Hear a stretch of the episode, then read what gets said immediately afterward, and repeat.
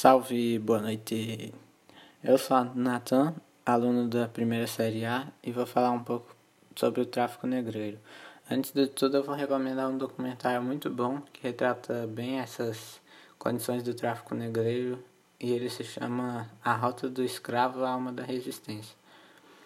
Durante Agora eu vou falar do tráfico negreiro. Durante essa viagem, os negros eram aculturados, ou seja, perdiam não podiam praticar sua cultura, perdi, perdiam a sua dignidade completamente, não tinham o menor reconhecimento como gente, tratando até mesmo pior que uma mercadoria, que pelo menos a mercadoria você não, não bate nela, não faz mal para ela. Uh, antes de entrar nos navios negreiros, eles já eram marcados com ferro quente para identificar o continente de origem.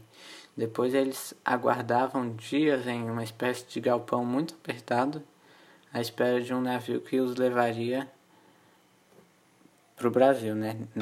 No caso.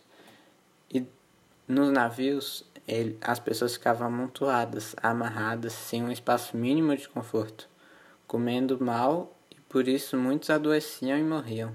Cerca de um quarto dos escravos morriam nesse transporte, e esses porões eram focos de surtos e epidemias de várias doenças. Parece que tudo que pudessem fazer para destratar eles, os traficantes faziam, mas a culpa não é só deles, porque todo um sistema político e econômico via isso com bons olhos, visando só o lucro e esquecendo a parte humana de todas essas pessoas que sofreram na mão desses traficantes, do sistema, de tudo. É um dano irreparável, né? Para essas pessoas, para os familiares, para tudo.